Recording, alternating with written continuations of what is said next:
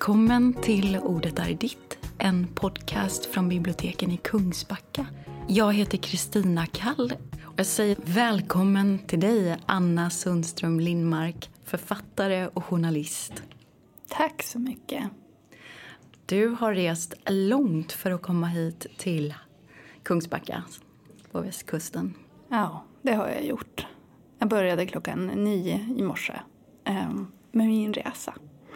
Och jag kom ganska nyligen hit. Ja. Mm. Så det har tagit hela dagen. Mm. Ändå är det ganska fort. Men då vaknade du Ja, jag, idag. Var någonstans? jag vaknade i Umeå, där Ja. jag bor. Mm. Hur ser det ut när du vaknar? Hur såg det ut i morse? Ja, eh, i morse såg det... Det var snabbt, Ehm, effektivt, mycket struktur. Jag brukar inte vara borta så länge mm, från min familj och så. Och så att vi behöver liksom mycket struktur för att få saker och ting att funka och sådär. Komma iväg till skolan och ut med hunden. Och, ja, och så skulle jag ju iväg och sådär. Så att, mm, det fanns inte mycket tid att liksom ligga i sängen och bara ha typ ångest eller något på. Vilket jag annars är ganska van vid. Mm. Att vakna så. Du, du vaknar med en oro i Ja. kroppen. Ja, lite så att jag känner inte den där eh, starka längtan efter att Hoppa. hoppa upp. Nej, tyvärr. Mm. Du vaknar med den här oron. Oftast, eller? Har det varit så för dig? Eller är det, fort, är det så nu? Ja, Men jag vet inte. Det, bruk, det- blir bättre och bättre. Det har länge varit så att det känns som att livet är helt um, orimligt, oöverstigligt att, att hantera. Ehm, det är så, så mycket liksom. Så att då blir jag... Mm, då kan jag känna mig lite sorgsen när jag vaknar för att då har jag ju drömt och haft...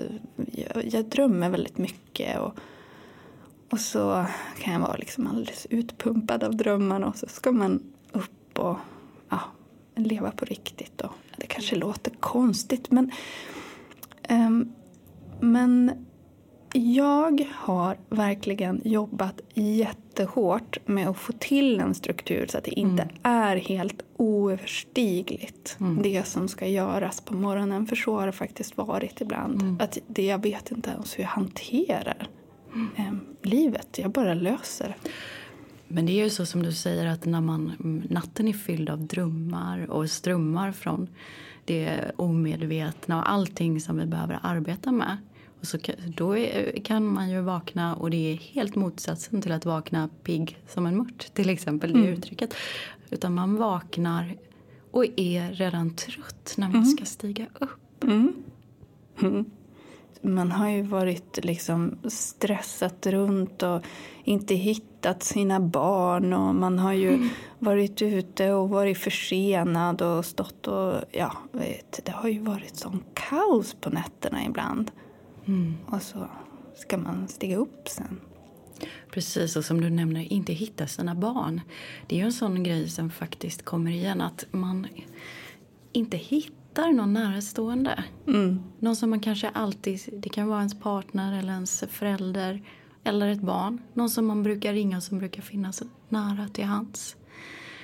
I drömmen då så, är, så kanske inte signalerna går fram hur mycket man än ringer. Så är det. Och så ska man då vakna, stiga upp Mm. och så har man precis insett att just det, men barnen de ligger kanske i sina sängar. De är inte borta. Mm. Men det är ju också ett sätt att bearbeta Mm. förlust. Som vi är ju alla med om olika former av förluster genom Mm. livet. Det är ju oundvikligt. Drömmarna har ju väldigt mycket att säga oss. Vi övar ju på saker också. Mm. Så det är ju väldigt mycket stoff där också. Om man nu ska... Ja, de har en del saker att säga. Inte så tydligt alltid, men till slut förstår man det. Och då är man ganska tacksam för de där drömmarna.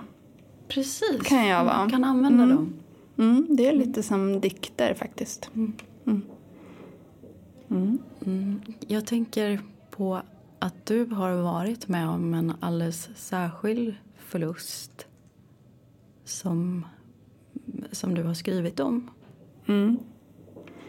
Ja, jag har ju skrivit om det i eh, två böcker mm. på olika sätt. Närmat mig den på olika sätt.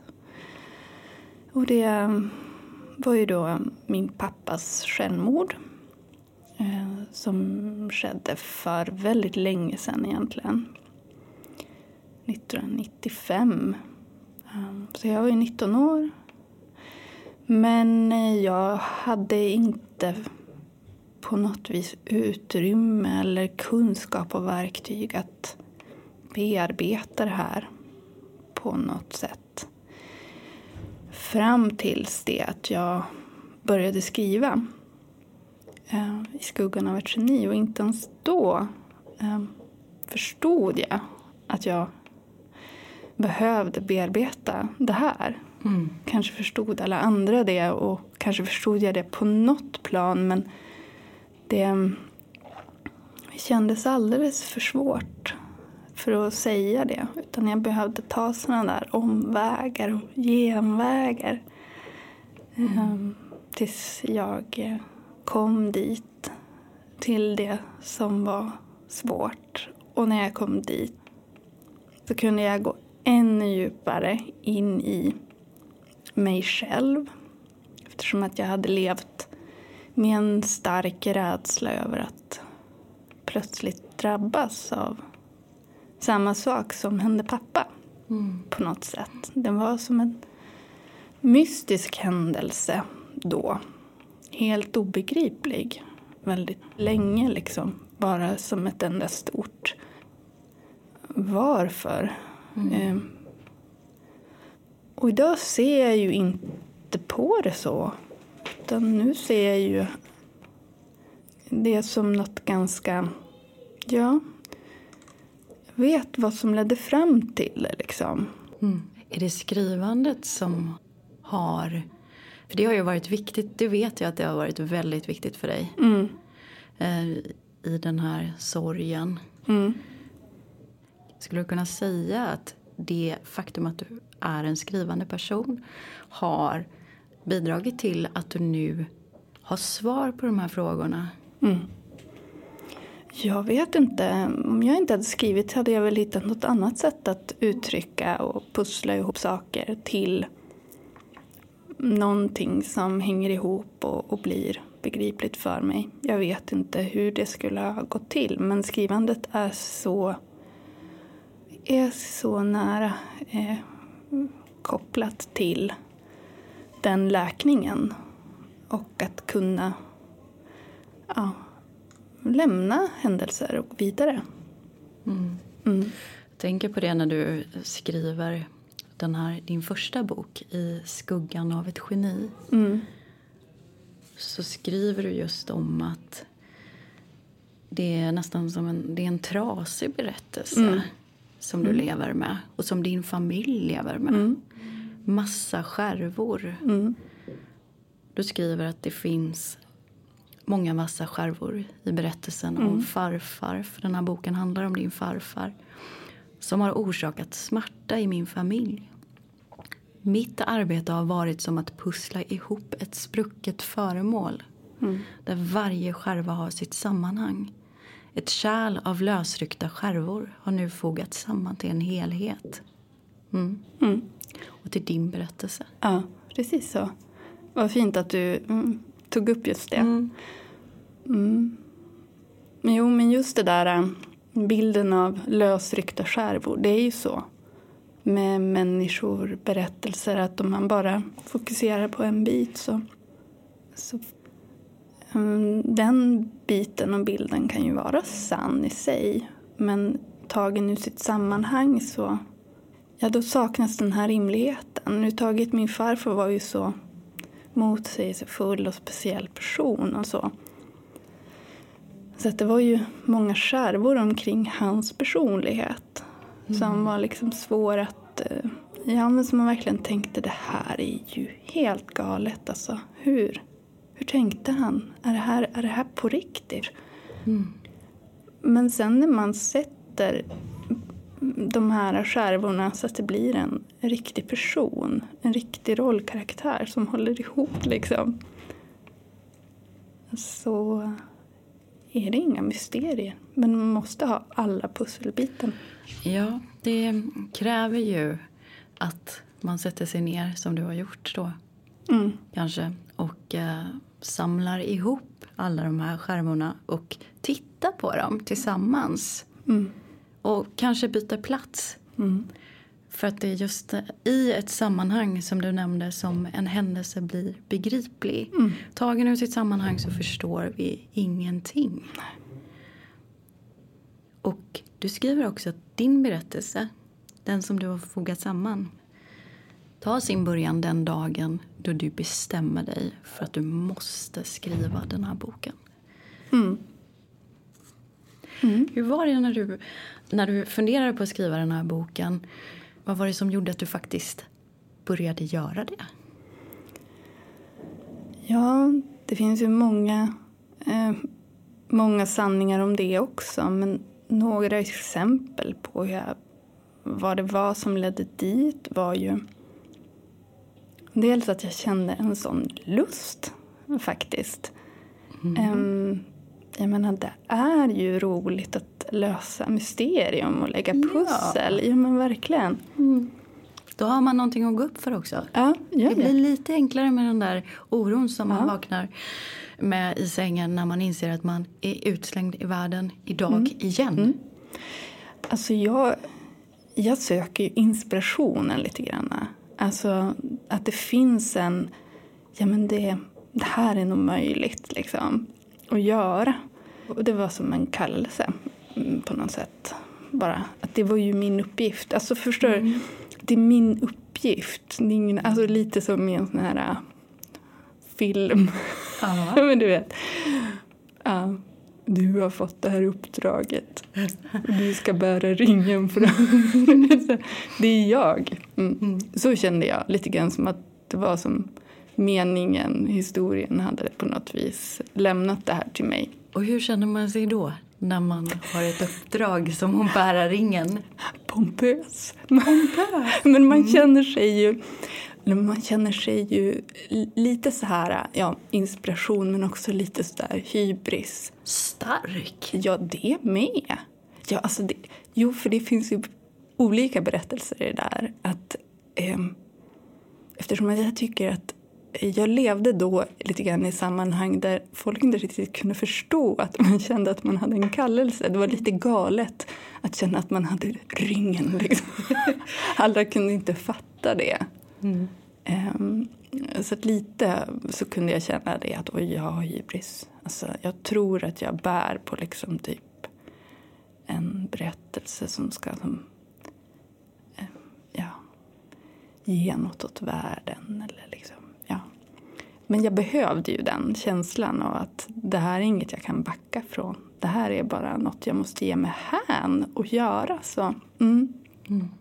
Och det är ju svårt att skriva en bok. Mm. Så att vara utrustad med lite hybris mm. kan ju vara fullständigt nödvändigt. ja, ja, ja. Mm. Jo, det var ju väldigt eh, nödvändigt faktiskt. För, för det var ju mycket, mycket svårare än vad jag hade trott också. Alltså jag är ändå en skrivande mm. person. Alltså utbildning i skrivande och allt är skrivet och så. Men att skriva den här boken, det var nog så oerhört svårt. Alltså. Mm.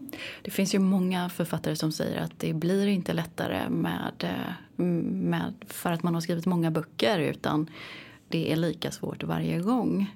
Mm. Du är en skrivande person. Då kan, skulle man ju kunna tänka att ja men det kanske inte är så svårt. Mm. Men det är väl kanske också just för att man skrivandet är så svårt mm. som vi tycker om att ägna oss åt det.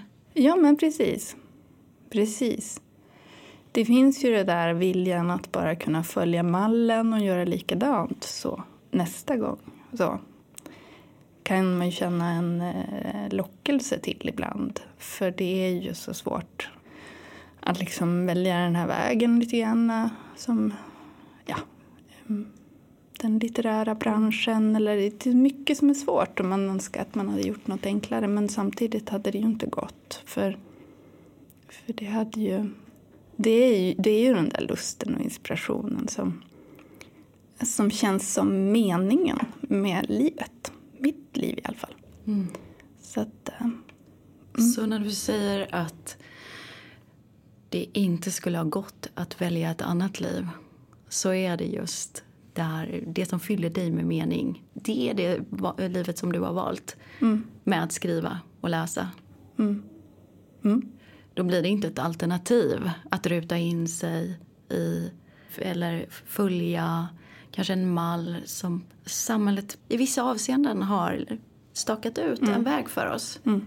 Hur har din väg varit? På vilka stigar har du liksom gått när du inte har gått på den här stora mm. huvudvägen? För jag föreställer mig att det har varit både svårt men naturligtvis också roligt. När jag inte har gått på vägen att skriva utan har gått på den andra vägen. Eller nu tänkte jag på när du inte har gått den här vägen som till exempel att bli jurist eller läkare eller mm. något sånt där som alla förstår vad man håller på med. Mm. För du pratade tidigare om det här att känna att man har en kallelse. Mm. Det är inte helt lätt att få sin omgivning att förstå mm. att ursäkta mig men jag har faktiskt inte tid att vara med på den här middagen för jag har en ring i fickan så jag ska leverera så småningom om några år. Och det kräver väldigt hårt arbete. Vi vet aldrig när den kommer fram heller. Alltså det finns absolut ingen karta eller någonting. Det är bara att följa tecknen. ja. Nej, men det där tycker jag är jätteintressant. Och jag har tänkt mycket på det där med den här normaliteten som, eh, som man ändå förhåller sig till. Och, eh, jag har ju verkligen försökt också på grund av att jag trott att eh, Mm, den här skapande vägen som jag nu har valt, den är farlig. Alltså det var väl något sånt där budskap som jag levde med.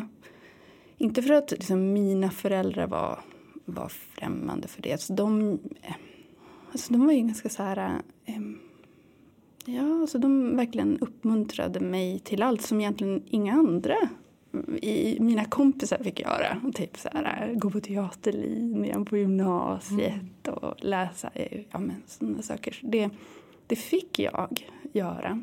Många andra förbjöd liksom, mm. sina barn att göra sånt. Så jag förstod ju liksom att det här är liksom outside the box på något sätt. Men, men sen så var det också det här som jag förstod senare att, att, att min pappa var ju egentligen väldigt så här, han var ju en kreativ person, han var ju uppfinnare. Och min farfar också. Och, och de Alltså de, de älskar ju det de gjorde men de ingick också i ett sammanhang liksom i en affärsvärld mm. där det kanske inte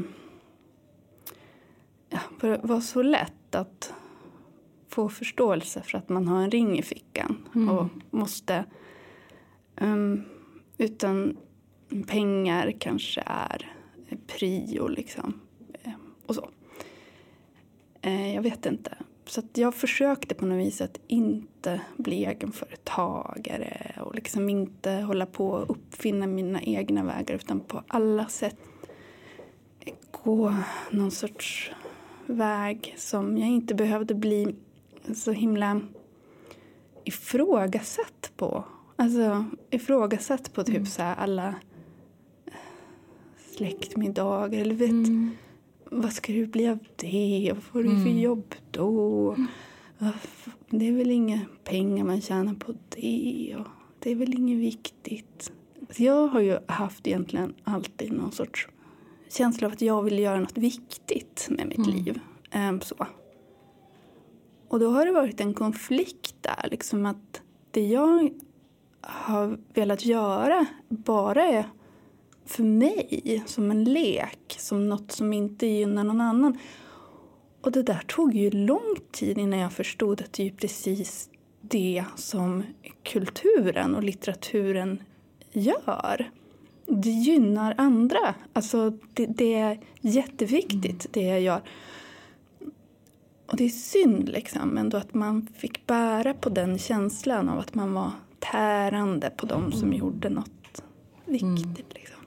Något sånt alltså. Var det mm, också det som du syftade på när du sa att du länge var rädd för att välja den vägen? Mm. Var, det, var det en del av det?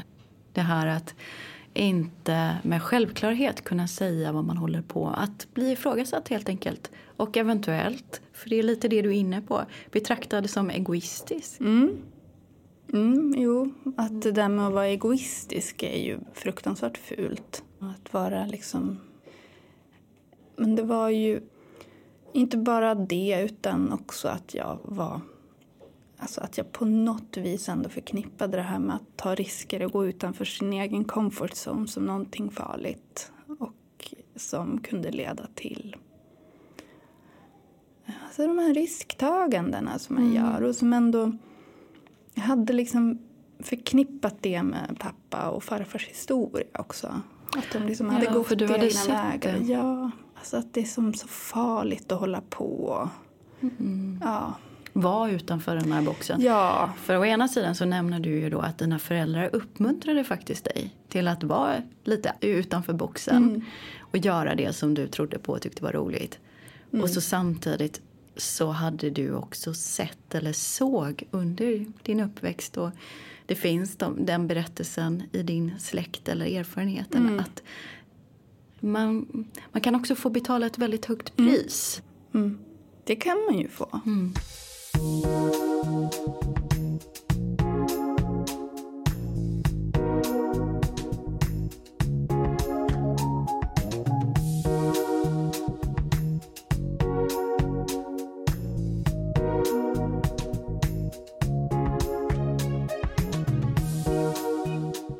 Din första bok, I skuggan av ett geni, kom ut 2016. Mm. Stämmer va? Mm. Och den handlar om din farfar Mm. som var uppfinnare. Mm. Min farfar var em, uppfinnare och grundade ett em, stort företag. Alltså det började ju bara som ett litet företag men idag är det eh, världsberömt och heter Alimac och eh, säljer såna här bygghissar, kuggstångshissar som finns lite överallt, alltså på såna här eh, spektakulära renoveringar av Eiffeltornet och Frihetsgudinnan och så. så att, Ehm, och de här hissarna skapades av min farfar. Då. Det var han som uppfann dem efter inspiration av Gamla testamentets berättelse om Jakob Stege. Eller hur? Hissen Alltså, som är skulle nå ända till helt Gud. fantastiskt. Mm. Här har vi, alltså, när du pratar om din farfar på det sättet. Mm. Så det han gjorde var ju ingenjörskonst. Mm. Men inspirationen var ju nästan gudomlig Mm, ja, ja. bemärkelse. Nej, men ju, man förstår att det också fanns en... Det finns ofta i människor som arbetar till exempel långt från konsten, skulle man kunna tycka, så Mm. finns det en konstnärlig ingivelse som styr. Och Mm. det ser man ju bland entreprenörer och eh, företagare och, och alltså i näringslivet i stort. Mm. Och din farfar då, som, han fick inspirationen från Bibeln och Mm. Jakob Stege. Det var den enda Mm. litteraturen som han hade tillgång till som barn. Han växte upp i ett väldigt religiöst, strängt lutherianskt hem i Burträsk. Och eh, jag menar, det såg ju ut så. Ehm, ja, han föddes 1917 och liksom, det var ju ett helt annat Sverige.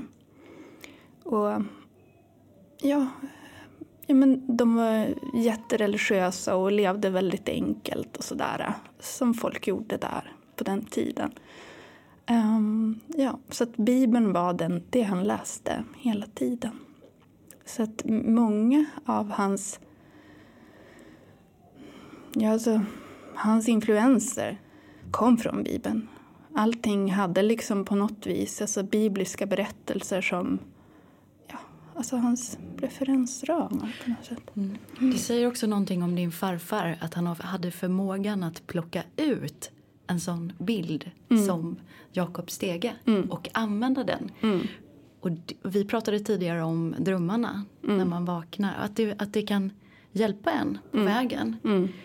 Och jag skulle säga att man kan använda sina drömmar, moment och bilder i sina drömmar på precis samma sätt som din farfar lyckades mm. göra där med den här Jakobs stege. Mm, absolut. Det är så jag tänker. Jag har känt mig väldigt nära besläktad med honom där. Sen är det ju jag som tolkar honom. Jag ser ju de här delarna i honom som jag som skapande person verkligen fascineras av och som jag kan Alltså jag kan förstå hur han tänkte och hans passion och hans eh, vilja väldigt mycket. Men, men det var ju... Och därför ville jag tolka honom som person. För han är ju inte... Han framhålls ju inte som en konstnär liksom, i, i den här världen vi lever i. Utan han har befunnit sig alltså som någon, en näringslivsikon. Um, och det var också så jag började. för att Det fanns en näringslivsgala i Skellefteå som ville byta namn till Alvargalan. Oj. För att liksom, ja, eh, så. Och din farfars namn var ju då Alvar, eller hur? Lindmark. Alvar Lindmark hette han. Mm. Så att de, det är stort. Ja, det, det, är stort. Och han är ju liksom... Han har ju varit känd i hela Sverige under sin, alltså under sin gärning. Men han har ett ganska kort och intensivt liv. Men det finns ju många i hela Sverige som, som känner till honom i den äldre generationen. Men i Skellefteå har man ju haft en väldigt speciell relation till honom. Men också tänker jag att det har ju varit fantastiskt att han har kunnat bli så känd och sådär men också så, så är det berättelser som lever sitt eget liv. Alltså... Kan du ge ett exempel på det? Ja, men det har varit de här, man ska säga, arketyperna. Typ geniet, galningen. Där den ena har hög status. Geniet som liksom lite grann är felfri som blir lite gudomlig på något sätt och galningen som, som aldrig har gjort något bra utan allting var liksom bara... Mm. Um, och de här tycker jag har haft lite svårt att samsas. Så har jag känt. Mm. Och att när Näringslivsgalan skulle ta hans namn så, så var det naturligtvis framgångssagan som var i fokus. Mm. Så därför behövde jag skriva den här. Därför behövde mm. du skriva den. Mm. Du behövde få fram även det andra. Mm. Det andra. Och det andra kanske också var, kanske med allra högsta sannolikhet, viktigt också för att skapa det här geniet. Mm. Jag tror ju att vi har alla de här delarna, både de mörkare och ljusare. Mm. Men berättelsen om geniet, din farfar geniet, mm. det var ju då vidda spritt, antar jag. Mm. Berättelsen om galningen, mm. fanns det också såna bitar i synen på din farfar? Absolut. Det fanns lite, tror jag, för eller emot. Så mm. kunde jag uppleva det lite grann. Jag vet inte riktigt, men han levde ju ett liv som gav avtryck. Och eh, han skaffade sig fiender och han eh, ångvältade sig för mm. Så. Eh, och jag förstår att han måste ha varit pain in the ass för folk. Men han hade också ett uppdrag. Han hade en kallelse. Ja, han Helt hade... övertygad om det. Absolut, och, och man vet ju att... Jakob Steges skojar man liksom inte bort sådär Nej. bara. Nej, man gör inte Nej, jag förstår honom på många sätt. Eller det gör jag inte. Jag är absolut inte sån som han. Jag skulle aldrig väcka folk mitt i natten bara för att man har fått en kallelse. Det ska jag inte Sån som han, som väckte folk mitt i natten? Gjorde ja, han så? Ja, ja, ja. Ja, alltså inget fick stoppa hans idéer. Och du kan ju föreställa dig hur det var att kanske eh, leva med honom. Så. Eh, och vara son till honom. Så. Mm. Eh, det var nog inte så lätt. Och Så att alltså, det får ju konsekvenser. Mm. Liksom. Men det är ju inget för eller emot här. Det, är ju bara som livet är. Mm. Men, men att han var fascinerande som person, det, alltså verkligen.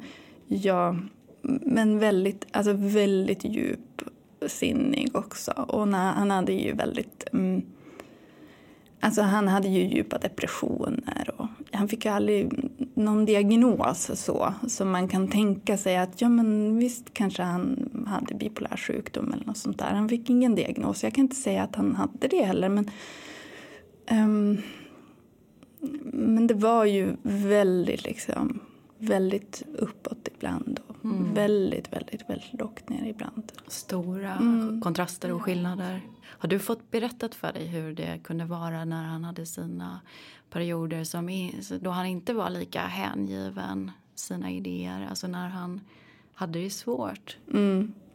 Jag har ju läst hans memoarer. Då, då. Mm. Ja, mm. han har skrivit sina egna mm. memoarer. Mm. Och Ja, det är så mycket så konstigt. Alltså, när jag växte upp så fanns det en bok i vår bokhylla som var ungefär 2000 sidor tjock som hette Från luffare till miljonär. Och, eh, författaren var då min farfar Alva Lindmark. Ja. Mm. Alltså den var gigantisk, alltså 15 kilo tung. Liksom. Ja. Eftersom att vi pratade nästan ingenting om farfar hemma. Och det var ju så också. Det var som något väldigt sorgligt mm. med farfar. Och något vi skulle skydda i familjen. Alltså så. Um, så var jag väldigt, väldigt eh, liksom, nyfiken på honom. Mm. Eftersom att också folk så hade ju så, så här, kompisars föräldrar kände till honom och ville veta en massa. Och jag visste ju ingenting men jag förstod ju att det var något spännande med honom. Han hade blivit miljonär och sånt där. Och, och varit kändis. Men i alla fall. Eh, det var som ändå inget vi kunde prata om hemma. Eh, den där boken, den var ju tom.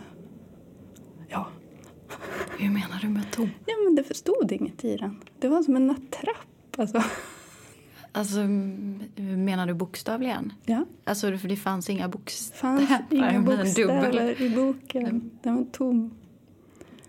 Eller hur? Det här är en sån här skärva som man bara what? Helt sjukt. Man gör ju inte en tom bok. Varför gör man det? Men jag har ju forskat om det här och eh, jag har ju hittat texten som skulle finnas i den här tomma boken. Mm. Och i och med att jag har lärt känna honom som person och hur han var så är det inte helt orimligt att längre. Man, att man, att man gör en, en attrapp, en tom bok. Ja. Och jag kan liksom inte ens förklara det här utan man måste som läsa och bilda sig sin egen. Alltså typ min bok. Din bok? Ja. ja. Det, det, är sådana där saker som behöver en bok på 400 sidor. Alltså, mm. Alltså, för att det är så många pusselbitar. Texten fanns och jag har hittat mm. böckerna. Det var en tom bok med tomma sidor och det, det var ju så. Och riktigt varför han gjorde så, det är svårt att förstå. Men han hade ju en stor eh, bild av att hans berättelse skulle bli så viktig på något sätt. Han hade stora ambitioner att den skulle, han skulle liksom bli sin egen bokförläggare och han skulle liksom skriva många fler böcker efter den här och han skulle liksom eh, översätta den till världens alla språk. Alltså, han var ju som, hade ju någon bild av att han, så, att han liksom skulle missionera mm. med de lärdomar han hade gjort om människor och världen och Gud och mm. vetenskapen och allting. Han, hade, han kunde ju jättemycket och tog in massa grejer såklart och sådär.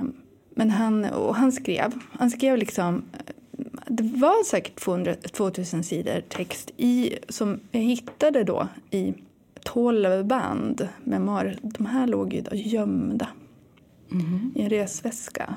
Så att, hemma hos dina föräldrar? Eller de låg hemma hos min far, eh, faster. Ja. Men det var väl också så tror jag att hon, hon tänkte nog att jag inte var redo för det här förrän jag hade förstått mer. Liksom. Så en dag fick jag dem och då läste jag ju dem. Och det står ju jättemycket om när han förlorade sitt företag. Och det var ju under en djup depression då. Mm.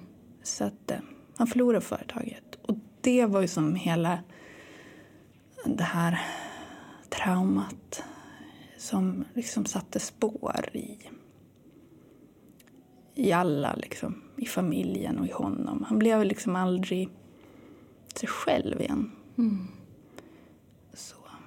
För du sa att farfars liv eller historia var någonting som ni barn skulle skyddas mot. Mm. Du använde ordet skyddas. Vad var det, vad var det ni skulle skyddas från, Ja, tror du? dels kan det vara så här också att eh, man helt enkelt är uppvuxen i Västerbotten och typ man ska inte tro att man är något. Eller jag menar, det kanske finns överallt, jag vet inte. Men man ska som inte skryta och tro att man... Man ska typ inte prata om en farfar som har varit känd och miljonär för att då... mm, Då gör man sig märkvärdig. Liksom. Mm, och det får man inte göra för då hamnar man utanför. Ja, men absolut. Ja, men då är man som någon snobb eller så, liksom, som inte får vara med eller får vara med på fel villkor eller sådär. Mm. Så det tror jag bara helt enkelt. Och så att det var så komplicerat, hela det här liksom, att han hade förlorat företaget och han... Alltså att man inte visste vem som var vän och fiende. Att det fortsatte lite det, liksom, att vem kan man lita på? Det var ju ändå det var ju ändå på grund av att människor hade gått bakom ryggen på honom. Och, um, ja, så utnyttjat honom. Alltså han var en så här godtrogen människa och liksom väldigt välvillig och så öppen för världen. Och, och han fick ju jättemånga vänner. Men alla går inte att lita på. Och han drabbades ju av att andra inte var snälla mot honom. Så det tror jag var det som man bar vidare som en lärdom som jag också tror påverkade pappa väldigt negativt. Mm. Så, när han själv blev deprimerad och så. För din pappa var ju också uppfinnare. Mm. Men det som du berättar om det är ju att egentligen att det är historien om din farfar i allra högsta grad levande, eller den har varit det. Och som ett, faktiskt som ett eh, oläkt sår. Mm. Så även efter hans bortgång så kunde man inte prata. Och Den levde liksom sitt eget liv verkar det som. Berättelsen om honom. Ja. Och jag, jag träffade ju aldrig honom heller. Liksom. Han dog ju samma år som jag föddes. Så att jag växte, alltså, föddes ju in i som hans bortgång och förlust. Och sådana, Det sådana saker påverkar väl lite också. Men, men det var ju det att jag ville också kunna göra anspråk på min berättelse. Hur det här påverkade mig. Så att det är ju det som boken blev också. Det blev en berättelse om honom. Men det blev ju också en berättelse om varför jag måste skriva. Om honom och hur det här påverkade mig. För jag tänkte på det när jag läste den att det här är ju både en biografi över din farfar men det är också en självbiografi. Mm. Jo, jag tar ju med mig själv som Mm. en huvudkaraktär i boken helt enkelt. Mm. Och du reflekterar också över hur det är att skriva boken samtidigt som du skriver den. Mm. Det gör jag. Det här som din farfar råkade ut för kan man säga. Du att han, han var snäll, han var godtrogen. Han förlorade sitt företag. Mm. Det måste naturligtvis ha påverkat familjen, hans barn, din pappa Mm. i sin tur. Mm. Hur var det att prata om farfar med din pappa? Hur du växte upp? Ja, men det var lite... Det var, det var svårt. Det var det. Alltså han pratade ju mycket, sa mycket snälla saker om sin pappa och så. Ville liksom... Jag tänker att han kanske inte hade sett sin pappa så mycket heller utan att han hade en ganska distanserad bild till honom också. Nej men alltså det var, det var svårt att prata om honom. Och, ja, jag vet inte. Det var svårt liksom att man... Eh, att, alltså jag tror pappa eh, som ville gå samma väg som farfar och bli uppfinnare och egenföretagare. Och liksom, ibland tänker jag att han ville ta revansch. Men sen tror jag också att han bara kände så stark lust. Alltså mm. att det, finns, det kan ju vara på flera olika sätt. Så. Men, eh, men det var någonting i slutet, alltså pappas... Alltså, eh, innan pappa dog som, som det hände någonting och som... Eh, som det här med vad som hade hänt farfar och om han kanske var...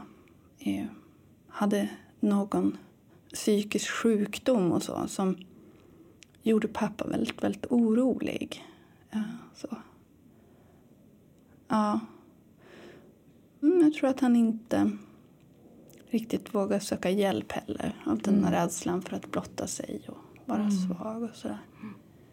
Liksom den mansrollen som, mm.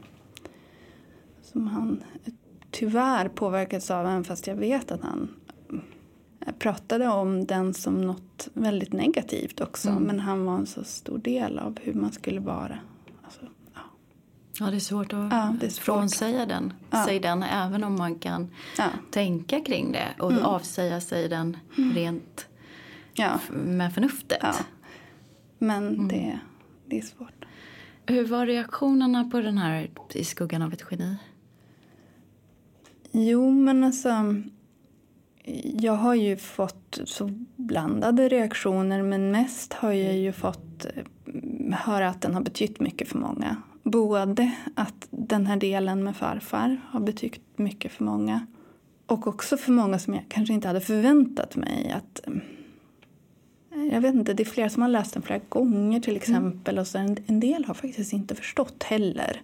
Och en del har inte tyckt att eh, att mitt perspektiv är intressant. Mm.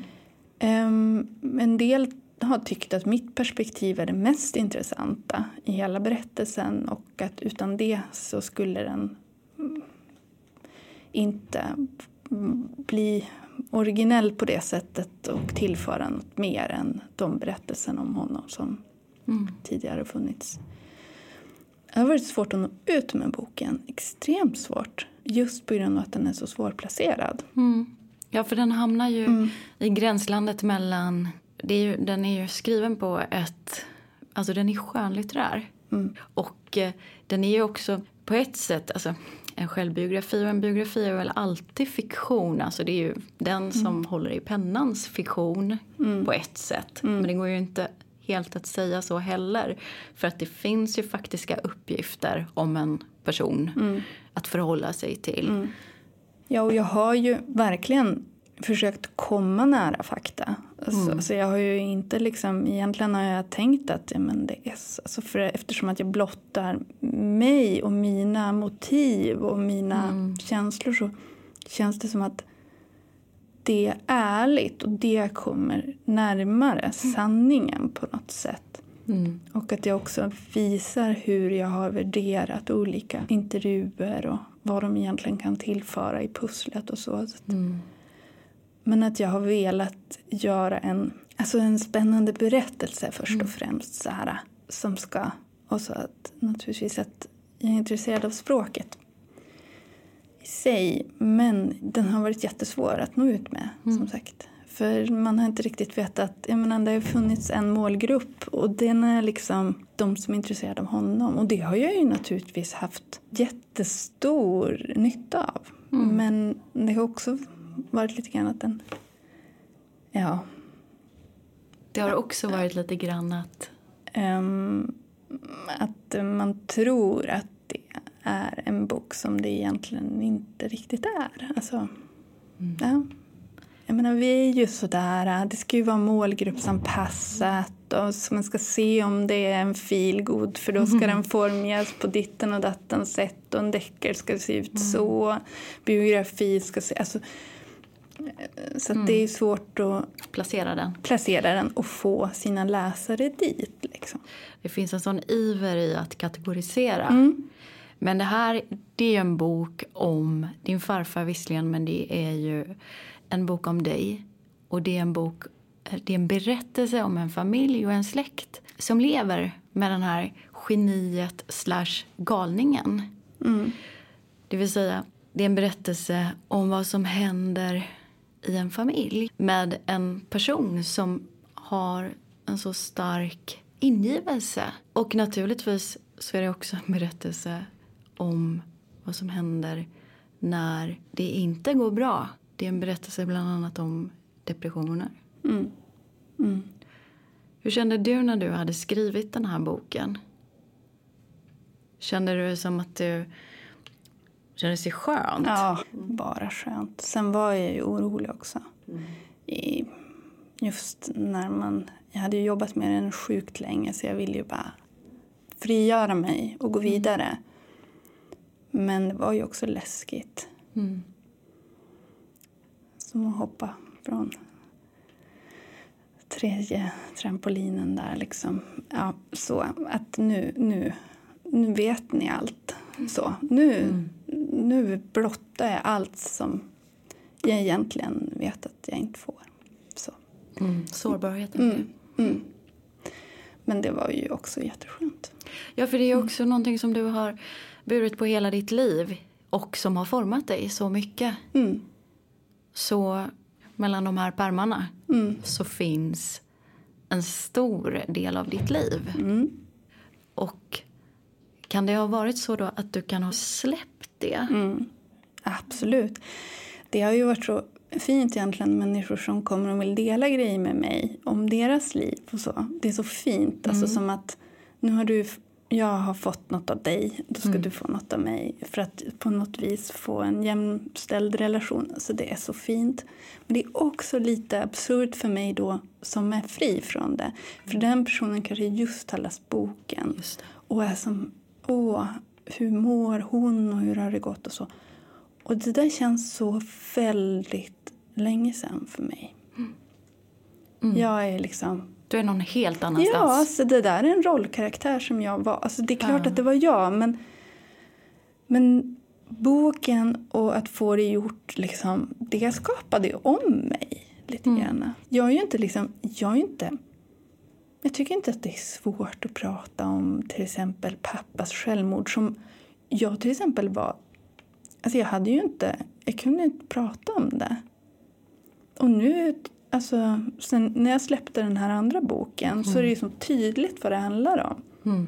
Att det är en förälder som tar sitt liv. Och eh, då så har ju jag stått, varit på liksom så här eh, stora bilder liksom att jag har egen erfarenhet av det här. Alltså det är som inget konstigt för mig. Det är mm. som inget tabu längre liksom. Jag, vet hur det var innan. Jag skämdes oerhört mycket för det här och kände liksom som att pappas självmord gjorde oss till en sämre familj och att liksom den här skuggan liksom som fanns över oss och så. Men jag är fri från den nu. Men jag kan mm. förstå att den fanns mm. och jag kan leva mig in i människor som lever med eh, mm det. Så därför har jag velat göra en bok som berättar om det också. Mm. Det som, du, mm. som du beskriver tänker jag egentligen är att du har satt i en berättelse eller ett sammanhang som vi alla är. Vi väljer ju inte det. Alltså, du blir satt i en berättelse ja. som inte riktigt var din. Eller hur? Och Man... då blir du tvungen att sätta dig ner och så formulera ja. din, ditt perspektiv på det här. Ja.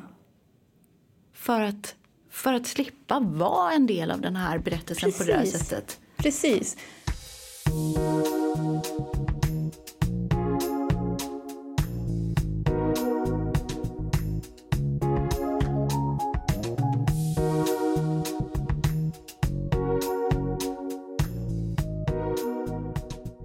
Finns ett citat som vi använder i Write Yourself mycket. Mm. Som, Write Yourself är ju den, en global rörelse ja, som arbetar med människor som har erfarenheter av trauma och ni jobbar med skrivande. Mm. Och du är en av initiativtagarna till detta. Mm, precis. När vi äger våra berättelser så kan vi också skriva våra egna slut. Och det var ju lite det du sa. Om man har satt ett sammanhang som man inte har valt så är det svårt att ens se sammanhanget ibland. Alltså, eh, och svårt att välja någonting nytt. För man vet inte om hur ens berättelse egentligen ser ut. Men när man väl kan äga den så kan man också göra andra val för framtiden. Man blir medveten om det som de där delarna som, som har skapat den. Mm. Och det är ju delar av alla möjliga slag, eller bitar av alla möjliga slag. Mm. Det är ju dels ljusa, positiva saker men det är ju också de här sakerna som gör ont. Eller hur? Och de ljusa och vissa saker, ja men det, det vill man kanske behålla. Och det är fint att se de grejerna, att kunna välja på nytt också. Och de hör ju ihop. Ja. Om vi pratar om det här pusslet som du lägger Mm. när du skriver. Mm. Det är ju faktiskt att foga ihop dem där. Mm. Och att ta bort, eller i alla fall göra den där skuggan som du beskrev som skuggan över din familj Mm. efter din pappas självmord.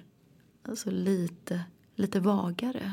Ja, som jag sa innan är det ju också inte som ett mysterium Nej. detta. Alltså det är en sjukdom som vi alla kan drabbas av och då kan man drabbas av sådana här tankar och tänka att man inte är liksom bör få finnas och det är så otroligt mycket lidande i det om man inte kan se att det någonsin kommer att bli bättre.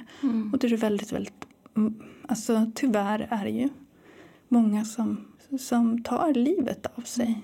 Men, och någonstans var det ju där också viktigt att kunna se att, att Alltså hur, vad det är som kan hända med en människa och på något vis kunna bilda sig en... Ja, men leva i livet på ett rimligt sätt. Jag menar, vad, hur ska jag kunna skydda mig bättre? Vad ska jag göra om, om det här händer mig? Och, ehm, kan man prata om det? Kan man göra på ett annat sätt än vad jag lärde mig när jag växte upp kanske? Det är ju liksom en makt att göra på ett nytt sätt. Mm. Och du, du har ju använt just skrivandet för detta. För att komma till den där Mm.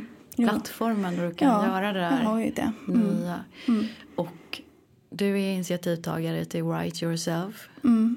Vill du berätta lite om hur den kom till, den här rörelsen? Mm. Hon som grundade Write Yourself heter Åsa Boström och har jobbat eh, i många år med eh, skrivande i, eh, genom Sveriges kvinnojourer. Eh, och eh, hjälpt jättemånga personer och sett de här effekterna av skrivande på ett speciellt sätt, ett traumaanpassat skrivande. Så hon har liksom utvecklade den här metoden. Och sen så skapade hon en större eh, grupp, en eh, rörelse för att kunna sprida det här till fler. Alltså sprida just den här metoden som hon hade utvecklat under tio års tid och som vi också adderade fler personers erfarenhet av att skriva, läka trauma genom skrivande. Både privata och professionella. Jag har jobbat, eh, haft grupper i läkande skrivande. Jag såg väldigt, väldigt tidigt i mitt skrivande av boken att, att det här är någonting, det här är fantastiskt. Alltså det här, och trodde väl att jag var lite ensam om att upptäcka det. Det finns ju massa forskning på det här. Och jättemånga som jobbar med skrivande i terapeutiskt syfte. Kan du, kan du säga något kort om vad den här metoden som Åsa Boström eh, har utvecklat, vad den innebär? Mm. För att kunna läka trauma så måste man skapa en trygghet. Det är jätteviktigt. Och hur gör man det? Man hittar sätt att ta hand om sig själv under tiden man skriver. Är beredd också på att, att skriva om starka känslor och svåra upplevelser. Ja, för det är inte självklart att man mår... När vi pratar om skrivandet som terapeutiskt så det är absolut inte så, får vi säga, att det är så att man mår prima hela tiden. Absolut Det är inte ens meningen. Nej. Det bör man vara beredd på.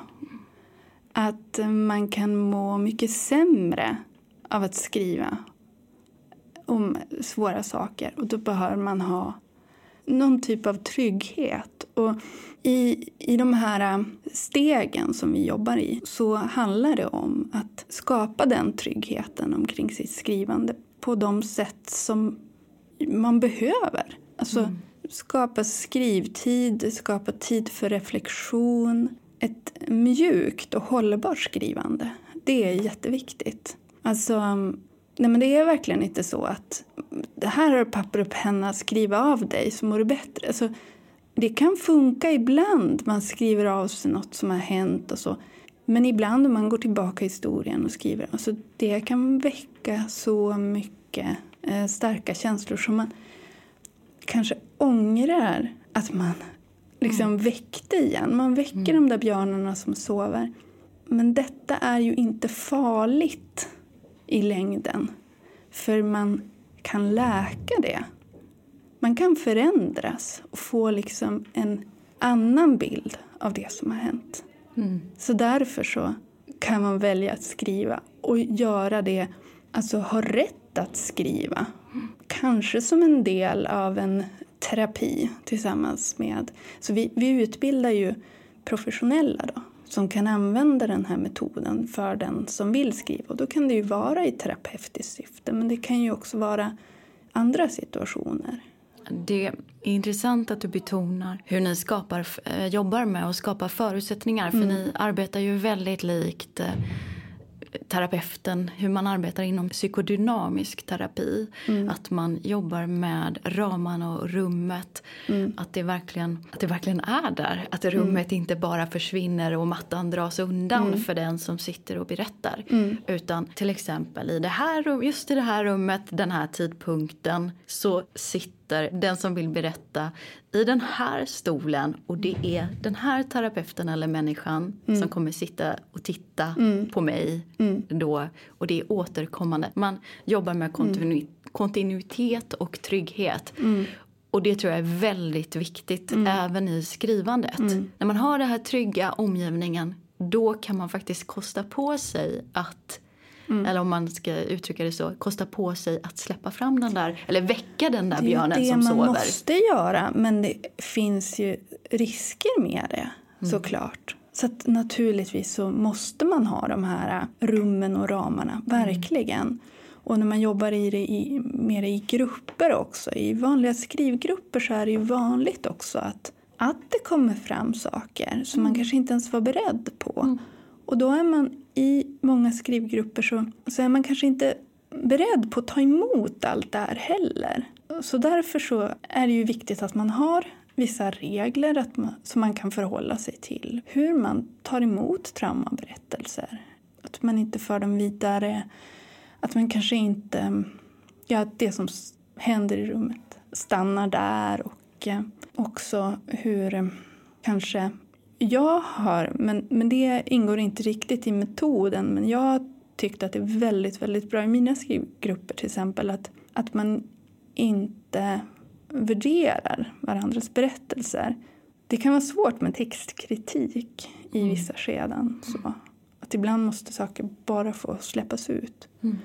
Det betonar vi också. Att mm. det är röster som ska komma fram primärt. Sen är det ju otroligt värdefullt för människor att få verktyg för själva skrivandet mm. också, hantverket.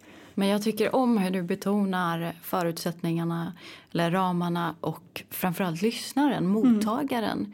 För jag brukar tänka på det, eller säga det när jag pratar om berättande, att det är inte bara den som pratar som är viktig, utan mottagaren, lyssnaren, mm. gör ju nästan halva jobbet. Eller mm. utan lyssnaren så...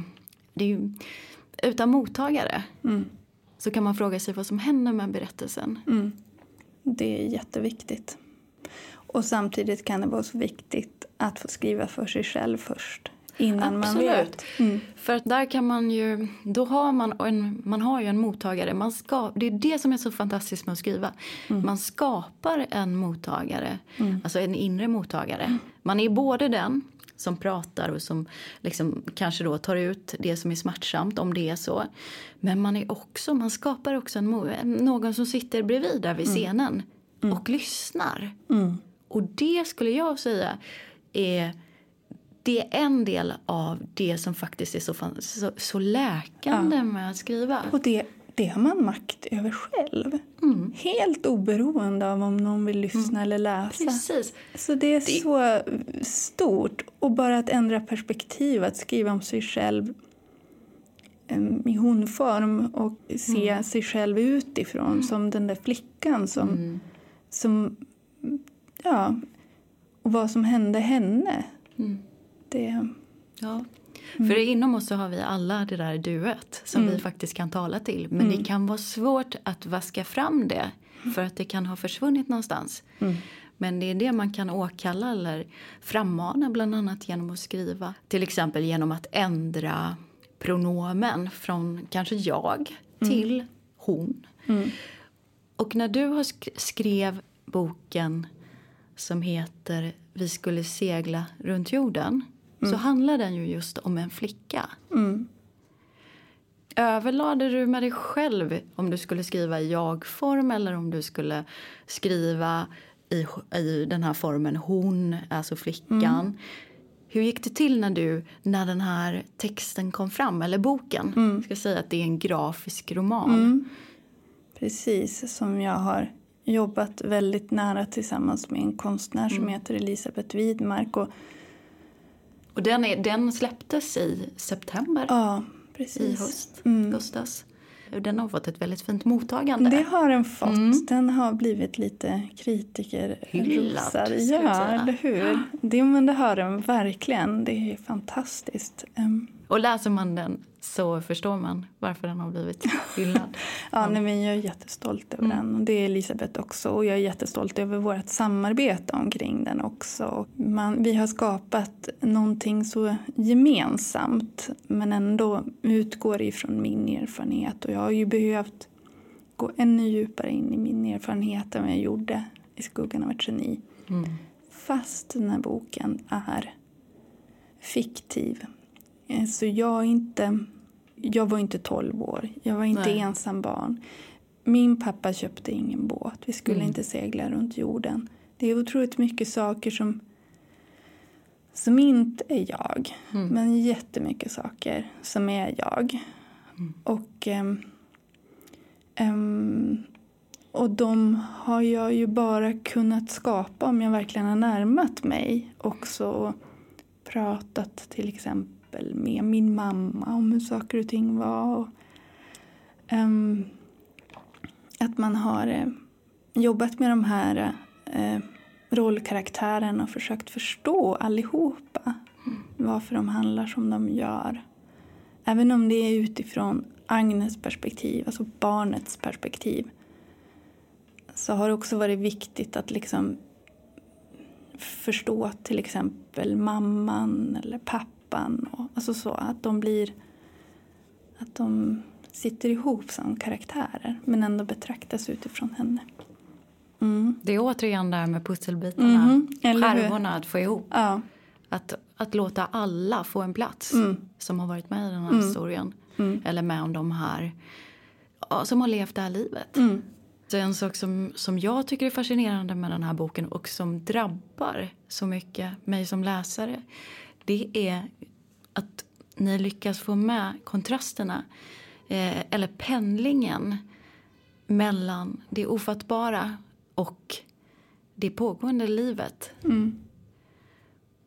Och ni rör vid det som, som kan upplevas som förbjudet men som inte, naturligtvis inte är det, men som kan göra det, upplevas som det under en extrem situation. Det vill säga det pågående livet.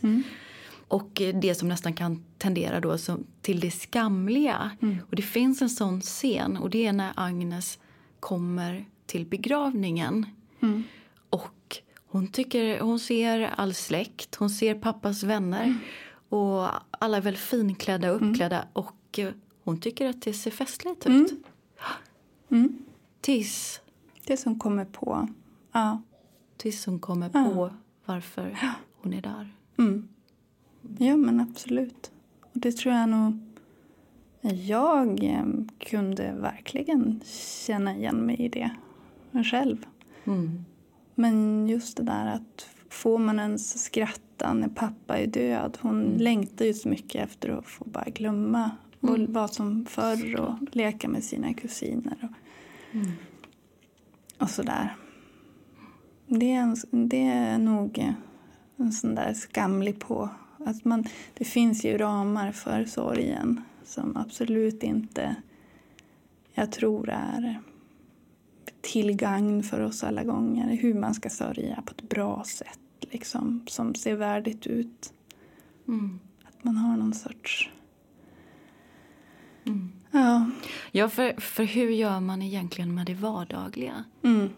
Det pågående livet i en sorgeprocess. Det har vi inte så mycket Nej, det måste manualer fortsätta.